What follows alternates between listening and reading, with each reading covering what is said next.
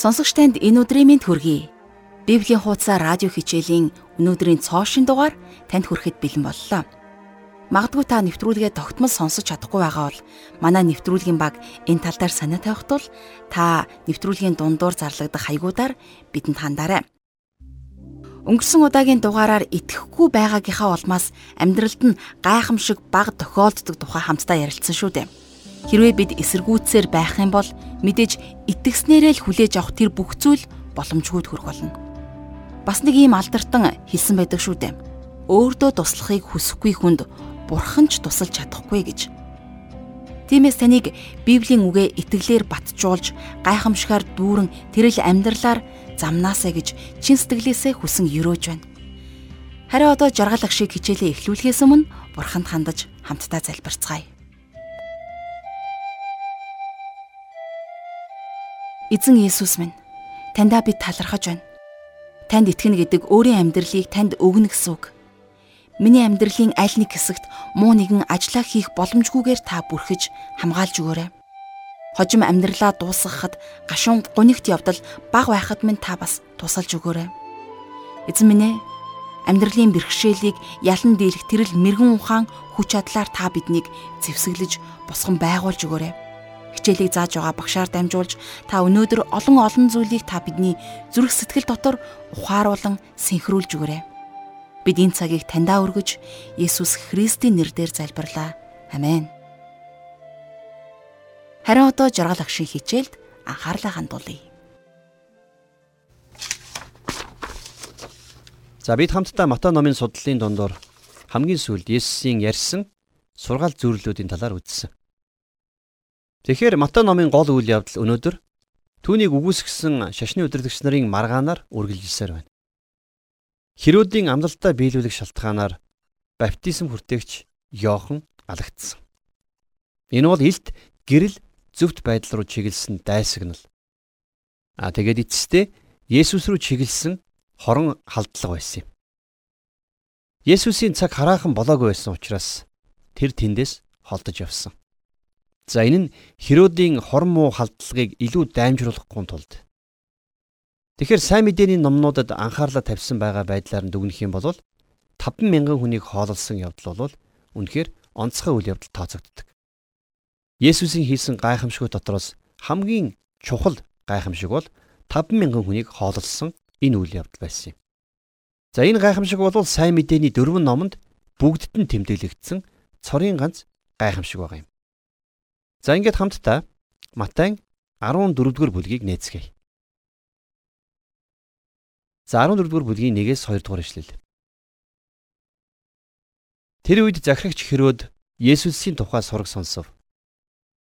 Херод зарц нартаа энэ бол баптизм хүртээгч Иохан мөн. Тэр үхлээс амилжээ.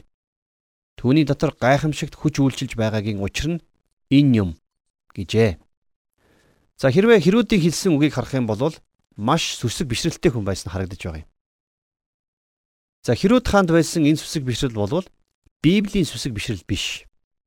Өөрөөр хэлэх юм бол Есүсийн дагалдагч за мөн Христэд итгэгчдийн сүсэг бишрэл бол огт биш юм.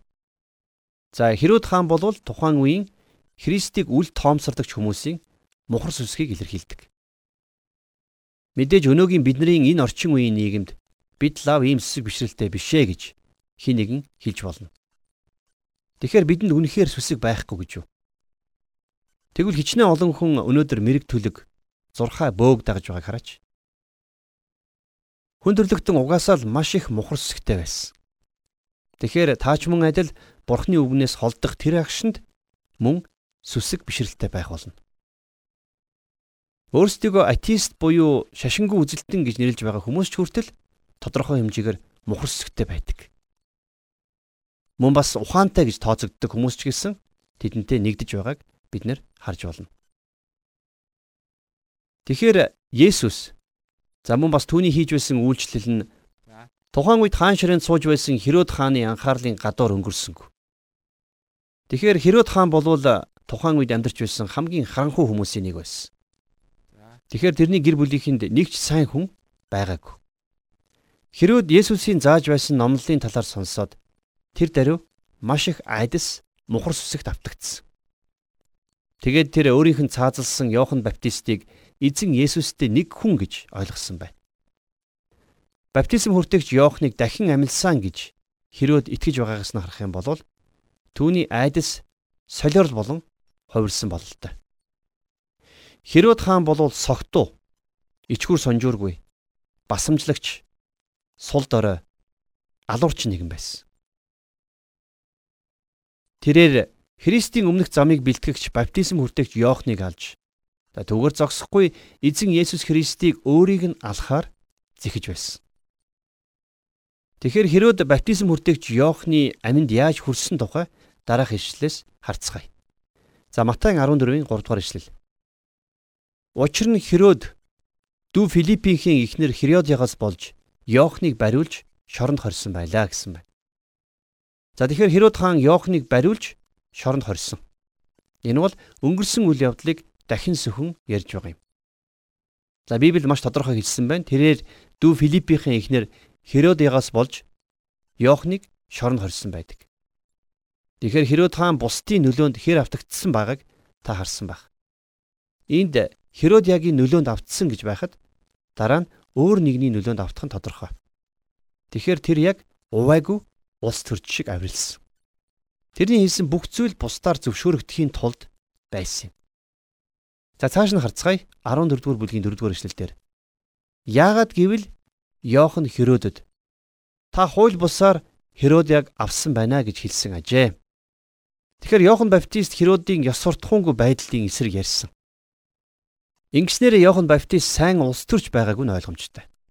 За 5 дугаар эшлэлдэр хэдийгээр тэр Йоханыг алахыг хүссэн боловч хурсан олноос айж байлаа.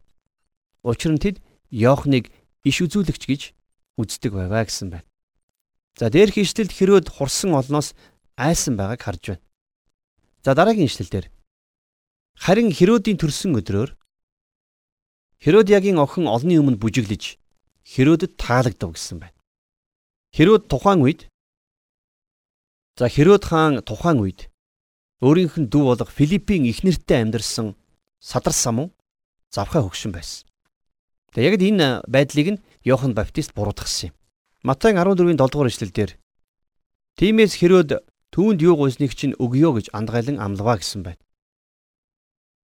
Тэрээр Херодиагийн охиныг ямар нэгэн шалтгаанаар өөрөөс нь материалын зүйл гуйх хаа гэж бодож байсан. А гэтэл ээжд нь хамаг төлөлгөө байсан байна. Цааш нь харъя. Охин ихийнхэн ятгснаар энэ царан дээр баптизм хүртэгч Йоохны толгойг тавиад надад өгөөч гэж гуйжээ гэсэн байна. За ээж Херодиагаас нь Йоохны буруутгалд өшөө авах баламд хүсэлтэд автсан. Түүний энэ хүсэл тамлан тарчилгах харгас хэрцгий ийм эмэгтэй байсныг бидэнд харуулж байна. За 9 дугаар эшлэлдэр Хэдийгээр хаан харуулсан боловч өгсөн андгай болон ирсэн зочдоосоо болоод өг тугай гэж тушааваа гэсэн байна. За энэ мэд гарах гарцгүй болсон хүний талаар та төсөөлдөө. Амлалт өгчхөд тэрнийгээ биелүүлэхгүй бол зочд нь өөрийнх нь талаар юу гэж бодох болоо гэж Херод айсан байсан. За 10-аас 11 дугаар эшлэлдэр ингээд тэр хүн илгээж Йоохныг шоронд цаазлуулжээ. Толгойг нь царан дээр авчирч охинд өгсөнд тэр ихтэй аваачиж өгвөө гэсэн байна. За тухайн үед болсон энэхүү харгас хэрцгий гонигтай арчаагүй үйл явдал бол Өнөөдөр ч гэсэн оршин байгаа бидний нийгмийг төлөөлдөг. Йохан Баптистийн толгойг зүгээр нэг бүжгэлдэг охинд царан дээр тавиад өгсөн. Хүн төрлөخت нь тэр үеэс тэмчих өөрчлөгдөг. Аллаг, шунал өнөөгийн энэ орчин үеийн нийгмийн нэг хэсэг хിവэрэ гэж хэлэхэд буруудахгүй. За энэ явдлын дараагаар юу болсныг харцгаая. 14 дугаар бүлгийн 12 дугаар эшлэлдэр Йоохны шавнар ирээд биеийг нь аван оршуулад явж Есүст мэдэгдэв.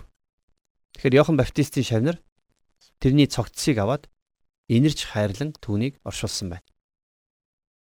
За Херодийн айдас нь солиорл болон хувирч тэрнийг ямар нэгэн ухаангүй үйлдэл хийхэд хүргэж магадгүй гэдгийг Есүс мэдэж тэндээс холдон явсан. Есүс цаг нь хараахан болоогүй байсан учраас өөрт нь ямар нэгэн зүйл тохиолдохоос болгоомжилсан байна. За Матай 14-ийн 13 дугаар эшлэлдэр Есүс үүнийг сонсоод тэндээс гарч завээр зилүүд газар руу ганцаараа явжээ. Хурсан олон сонсоод хотоос гарч түүнийг явганаар даглаа гэсэн байна. Тэгэхээр Есүс Галил нуурыг заваар гатлахад тэнд хуран цугларсан байсан олон түмэн хотоос гарч нуурыг тойрон түүнийг явганаар дагсан байна. Учир нь тэд нэр Есүсийг орхин явахыг хүсээгүй учраас нуурын ирэг дээр даган алгасаар нөгөө талд нь түүнтэй уулзсан. За үүнээс харах юм бол Есүс олонний дунд хэрэг танигдсныг харж болно. За 14-ийн 14 дугаар эшлэлдэр ирэг дээр гарахдаа Есүс асар олон хүн байхыг хараад тэднийг ихэд өрөвдөн өвчтнүүдийг нь идгэв. А тэдгээр өвчтөе хүмүүсийг Есүс дээр авч ирснийг дахин анзаарах хэрэгтэй. Тэр өдөр Есүс мянга мянган хүнийг идгээсэн байна. Энэ бүхэн түүний талаар дахин бодоход хүргэсэн. Яагад гэвэл тэрний хийсэн зүйл нь бүгдид маш илэрхий, маш нээлттэй байсан. За 15 дугаар ишлэлдэр Орой болох үед шавнар нь түүн дээр ирж энэ газар зэлүүд мөн цаг хэдийн талижээ. Хурсан олныг тараан явуулаач. Тэгвэл тэд гацаанууд руу явж өөрсөддөө хоол хүнс худалдаж авах болно шүү дээ гэцгээв. Дагалдагч нар нь Есүст юу хийх хэрэгтэйг нь хэлж өгөхийг оролдож байгааг эндээс харж болно. Тэдний хэлсэн зүйл нь хүмүүсийг гацаанууд руу явуулаач гэсэн. А тэгвэл Есүс тэдэнд юу гэж хэлснийг одоо харцгаая. 16 дугаар эшлэлдэр. Харин Есүс тэдэнд тэд явах хэрэггүй. Та нар тэдэнд идэх юм өг гэхэд. За тэгэхээр 50000 хүнийг хоололсон энэхүү гайхамшиг болвол сайн мэдээний дөрвөн номонд бүгдд нь тэмдэглэгдсэн цорын ганц гайхамшиг байгаа юм. За энээс харах юм бол энэ маш чухал гайхамшиг гэдгийг бид нар харж байна. Есүс тэднэрт хандаж тэд нар явах хэрэггүй харин та нар тэдэнд идэх юм өг гэсэн байна.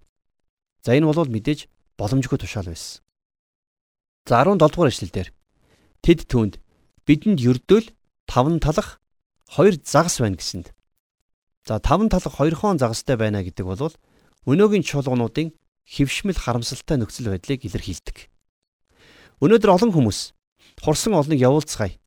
Өөрсдийнхөө хэрэгцээг өөрсдөө хангана үз гэж хэлдэг. Заримдаа тэд нарыг сэтгэл зүйч рүү за эсвэл биеийг эдгэлэхийн тулд эмчнэр рүү явуулдаг. Биднэрт хүмүүст өгс хүнслэг талах байдаг. Магадгүй тэр нь ердөө таван талах хоёр загас байж болно. А гэхдээ гол дутагдж байгаа зүйл нь эзэн Есүсийн хүч чадал байсан юм. Хэрвээ бидэнд зөвхөн тэр хүч чадал байдаг бол бид нар хурсан олныг явуулах шаардлагагүй болно гэсэн үг.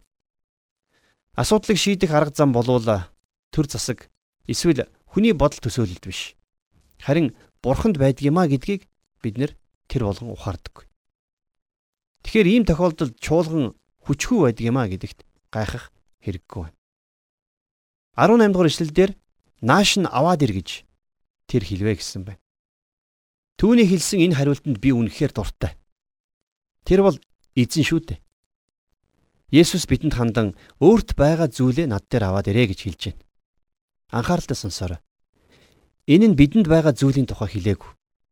Харин байхгүй, чадахгүй гэдээ байгаа зүйлээ аваад ирээчээ гэсэн утгатай. За асуудлын гол нь бол бид нар үнэхээр өөрсөддөө байгаа зүйлээрээ бусдыг удирдахыг хүсэж байна. А гэхдээ хамгийн чухал нь бид нар бүхнийг Есүст чиглүүлэхийг үнэхээр хүсдэггүй.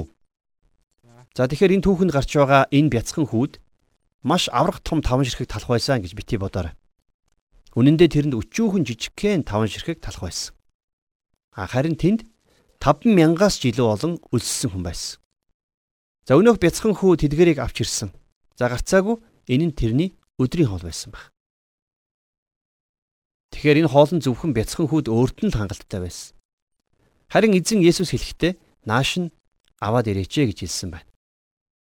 За 19 дэх эшлэлдэр Есүс хурсан олонд зүлгэн дээр суухыг тушаагаад таван тал хоёр загсыг авч тэнгэр өөд ширтэж хүнсийг өрөөгд талхаа хувааж шавнартаа өгөв.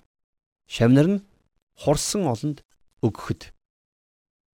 За энд юу болсон гэхлээр зэрэг Есүс хурсан олонд зүлгэн дээр суухыг тушаасан байна. За энд бидний анзааралгүй өнгөрч болохгүй нэгэн сонирхолтой зүйл гарч байгаа юм. Тэгэхээр Маркийн бичсэн сайн мэдээний номонд Есүс хүмүүсийг ангилж 150 таар нь суулгасан тухай бидэнд хэлсэн. За тэдгээр хүмүүс өнг өнгөөр хувцалсан байсан. Гацаа гацаагаараа биш а тус бүрдээ бусдаас ялгарх байдлаар хувцалсан байсан илэрхий байна. Эсрэг талынхаа уулын ингэрт өнгө алгалсан бүлэг хүмүүсийг харахад үнэхээр сонирхолтой байсан байж таараа. Тэдний зарим нь улаан, бор, цэнхэр, улбар шар, хөх, ягаан өнгийн хувцас өмссөн байсан гарцааг. За тэр дундаа хөх ягаан өнгө зөнхөлж байсны учир нь гэвэл яг ийм өнгийн будгийг тэнд гаргаж авдаг байсан. За энэ нь яг л ирээн давуу шиг харагдаж байсан байх. За тэгэхээр Есүс тэднийг тушаасан. За Есүс тэднийг тушаасан дагуугаа суулгасан. Тэгэхээр эзэн альва зүйлийг маш нарийн зохион байгуулалтаа хийдэг. За дараа нь тэрээр тэнгэр өд ширтэж хүнсийг өрөөгд талхаа хувааж шавнартаа өгөв. Шавнар нь хурсан олонд өгөхөд гэж бичсэн байна. Тэгэхээр Нэг өөрсдөө эзэн Есүст юу хийхин заадаг хүмүүс харин одоо үйлчлэгч шиг хурсан олонд үйлчилж байгааг харж байна. Тэгэхээр энэ бол өнөөгийн Христэд итгэгчид сайн мэдээг дэлгэрүүлэгчид, удирдан манлайлагчид, за мөн дагалдагч, төлөөлөгчдийн онцгой үйлчлэл байх ёстой. Бид нар үнэндээ хурсан олныг хооллохын тулд байдаг. Энэ бүхнийг хэрхэн хийж болохыг хэлж чадах хүн чуулганд маш олон байдаг ч гэсэн яг хийх хүсэлтэй хүн нь цөөхөн байдаг. Тэгэхээр өнөөдрийн чуулганд хэрэгтэй байгаа зүйл бол амийн талхыг хүмүүст тараан өгөх үйлчлэгч нар юм. Тэгэхээр тэр амийн талах гээд байгаа зүйл бол эзний үг баг юм. Энэ бол бидний хийх ёстой зүйл. Бүх итгэгчид талхыг дамжуулах үйлчлэгч нар болох ёстой. За цааш нь харцгаая. 14-ийн 20 дугаар ишлэл. Тэд бүгд идэж цаджээ. Тэгээд тэд үлдэгдэл өвдөл цөвдлийг нь цуглуулхад 12 сагс дүүрв. За би өмнө нь өвдөл цөвдлийг цуглуулхад гэдгийг өнөөгийн бидний ярьдгаар хог хаягдлыг цуглуулсан гэж ойлгож байлаа. За өөрөөр хэлэх юм бол хин нэгэн хүн хавчуурахтай талхыг хадснаа а тэгээд өөр арай томыг хараад хадснаа доош нь тавьж байгаатай адилхан. Өнөөх хадсан хавчуурахтай талх нь өвдөл цөвдөл болдог. Гэхдээ би тэнд хэний ч хүрээгүй 12 сагс талах загас байсныг ойлгосон юм. Дэлгүүр хисч амьдардаг бид нар дэлхийд хичнээн их хүн өнгөрсөн орой ходоод хоосон орондоо орж байгааг бодож ойлгоход хэцүү байдаг. Харин тухайн үеийн хүмүүсийн ихэнх нь бүтэн хоолтой байх гэдэг нь юу болохыг ойлгодгүй байсан юм. Гэвч 12 сагс хоол үлдсэн гэдэг нь хүн болгон цадтлаа эзснийг илтгэн харуулж байна. За 14-ийн 21 дугаар эшлэлдэр Тэнд эмэгтэйчүүд хүүхдүүдээс гадна 50000 орчим ирчүүд байж идсэн ажээ гэсэн байна. За тэгэхээр тэнд 50000 орчим ирчүүд. За тэгээд дээрэс нь бас эмэгтэйчүүд хүүхдүүд байсан байна. Эрэгтэй хүн болгонд нэг эмэгтэй, нэг хүүхдийг оруулан тоолох юм бол дэндүү их тоо гарч байгаа. За тухайн үед эзэн 50000 биш, харин 15000 орчим хүнийг хоололсон гэсэн үг. Тэгэхээр гайхамшиг энүүгээр зогсоогүй. Хурсан олныг хооллсон даруйда Есүс дагалдагчдаа Галил нуурын нөгөө тал руу илгээсэн ба. Ингээд тэрээр өөрөө харин залбирахаар явсан байна. За Матай 14-ийн 22 дугаар ишлэлдэр Есүс хурсан олныг явуулах зуураа даруй шавнараа завинд нь албаданд суулгаж өөрийнхөө төрөнд тэднийг нөгөө эрэг рүү явуулав гэсэн байна. За энд гарч байгаа даруй гэсэн үг нь маш яаран сандарсан үйл явдлыг илэрхийлж байгаа. Матай 50000 хүнийг хоололсон гайхамшигын талаар дүгнэхдээ хачин байдлаар хурсан олныг орхин явж байгааг энд тэмдэглэн үлдээсэн байна. Хэдийгээр Матай бидэнд энэхүү шалтгааныг нь тайлбарлаагүй боловч дагалдагч Йохан харин бидэнд учрыг нь хэлсэн байдаг.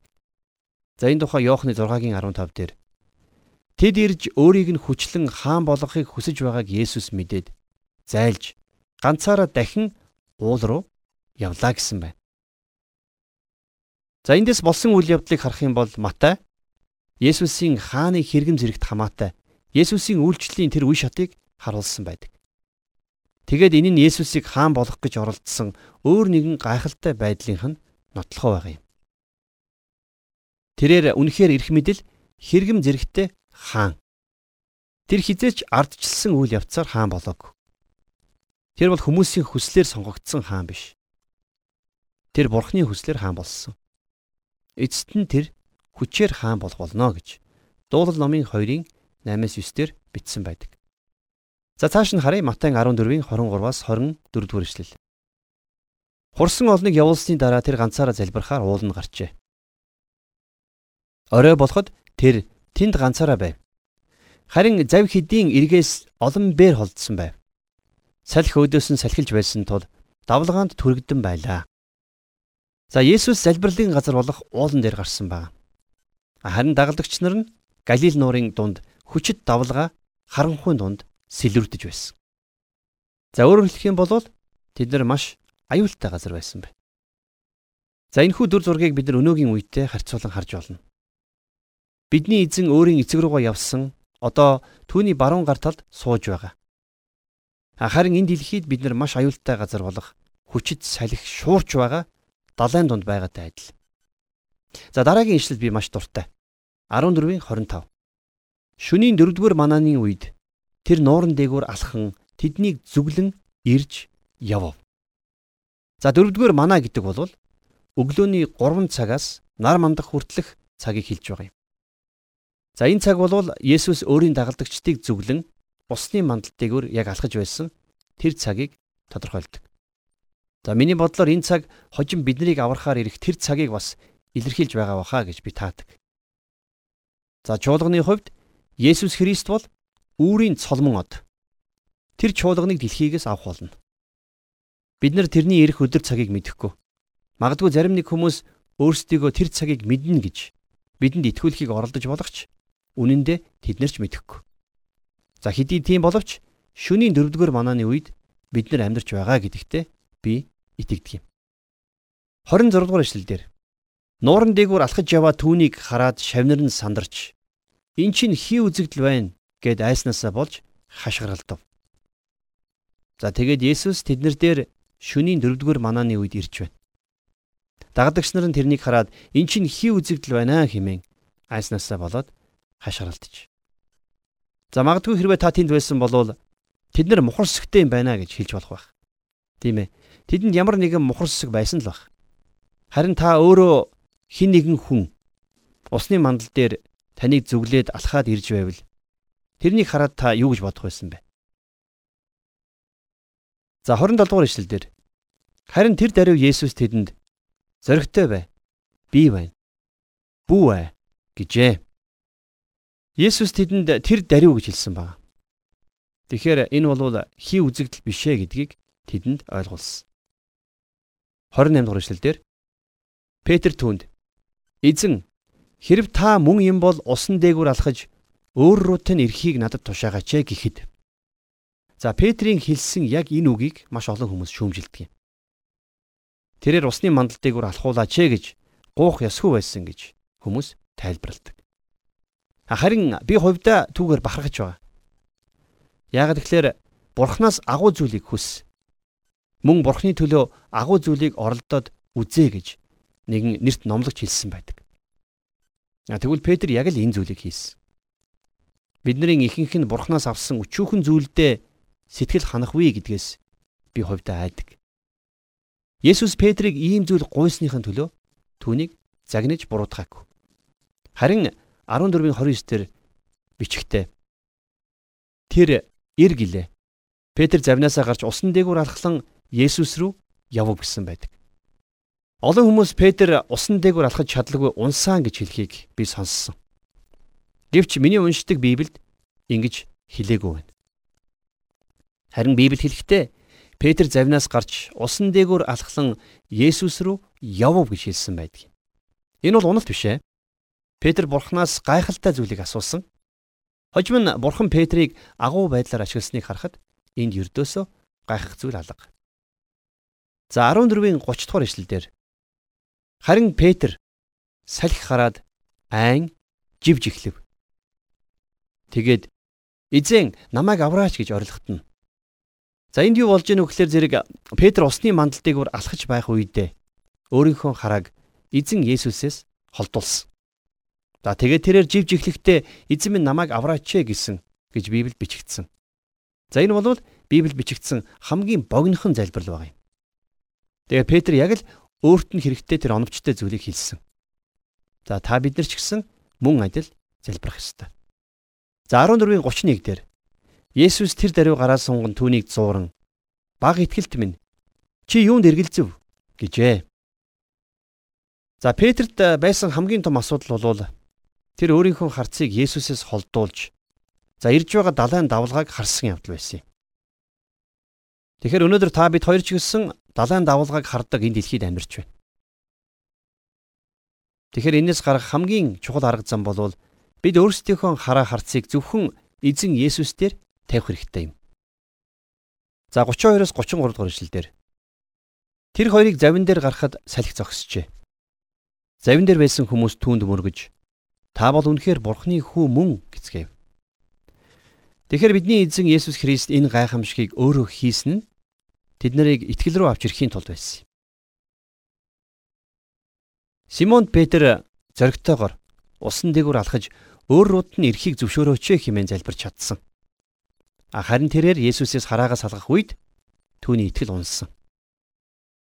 Тэгэхээр миний хувьд ч гэсэн тэрнтэй адилхан асуудал тулгардаг. Тийм учраас би Петрийг буруутгахыг хүсэхгүй байна. Би амьдралдаа олон ч удаа итгэлийн алхмыг хийж за мөн бас олон ч удаа Есүсээс хараагаа салгаж байсан үе байдаг. Энэ бол өнөөгийн бидний үед байх хүнд хэцүү цаг юм. Гэхдээ энэ бүхэн эцэст нь дагалдагч нар тэрнийг Бурхны хүү байсан гэдгийг нь мэдэж түүнийг хүндлэх байдлаар төгссөн байдаг. За 34-өөс 36 дугаар ишлэлээр өнөөдрийнхөө хичээлийг төгсгөе. Тэгээд тэд нуурыг гаталж Генисаритийн нутагт хүрчээ. Тэр нутгийн хүмүүс түүнийг таниад хавь орчмынхаа бүх газарт хүн илгээж өвчтөе хүн бүрийг түүн рүү авчирлаа. Тэд зөвхөн дээлийнх нь хормойд гар хүрхийг л гуйж байв. Тэгээд хүрссэн бүхэн идгэж байлаа. Хүчит салхи шуурганы дараа Есүс хүмүүсийн хэрэгцээний төлөө үйлчлэлээ үргэлжлүүлсээр л байсан. Дахиад л тэр үед маш олон хүн эдгэрснийг анзааран хараарай. Бидэнд нарийн хилсэн цөөхөн хідэн эдгэрлийн тухай тэмдэглэл байгаа ч гэсэн үнэн дээр тэр үед Есүсээр олон мянган хүн эдгэлгсэн юм.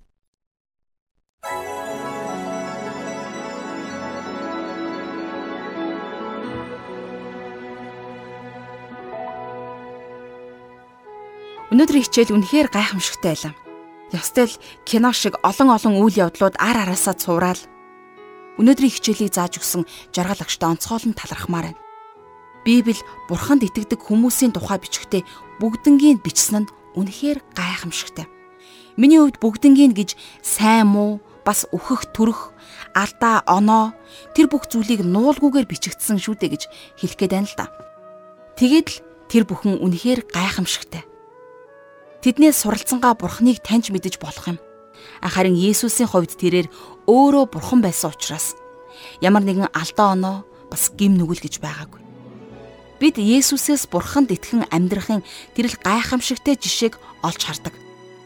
Гэхдээ хичээлийн төгсгөлд хэлсэн шиг зөвхөн түүний хувцсанд хүрэх гэж улаарах нь бас тийм ч хангалттай биш. Магдгүй та цуглаанд явлаа гэд хангалтгүй байж болох юм та өөрийнхөө асуудлыг аваад амьд бурхантай хувьчлан уулзах шийдвэрийг гаргаж болно шүү дээ. Өнөөдөр хэлсэн бурхны үгийг бариад хамтдаа залбирцгаая. Бурхан минь би таньда онцгойлон талархаж байна. Та бидний гарт болоод бидний зүрх сэтгэлд байгаа тэр бүх зүйлийг хардаг бөгөөд эзэн яг энэ цаг мөчид бид нар бүх тэрл зүйлээ аваад итгэлээ үүрээд эзэн би таны өмнө очиж байна. Та бидний амьдралд өөрийн үг дотроо хэлсэн тэрл гайхамшигыг үйлдэж өгөөрэй. Эзэн Питер шиг зоригтой итгэлийг та бидэнд өгөөрэй. Бас тууштайгаар алхах тэр урам зоригоор та биднийг тэтгэж дүүргэж өгөөрэй. Бид өнөөдрийн хичээлийг үнэхээр амьдралдаа хэрэгжүүлэхийг хүсэж байна. Өнөөдрийн хичээлийн төлөө талархан хамт сонссон бүхий л хүнийг таны нэгүсэлд даатхан Есүсийн нэрээр залбирлаа. Амен.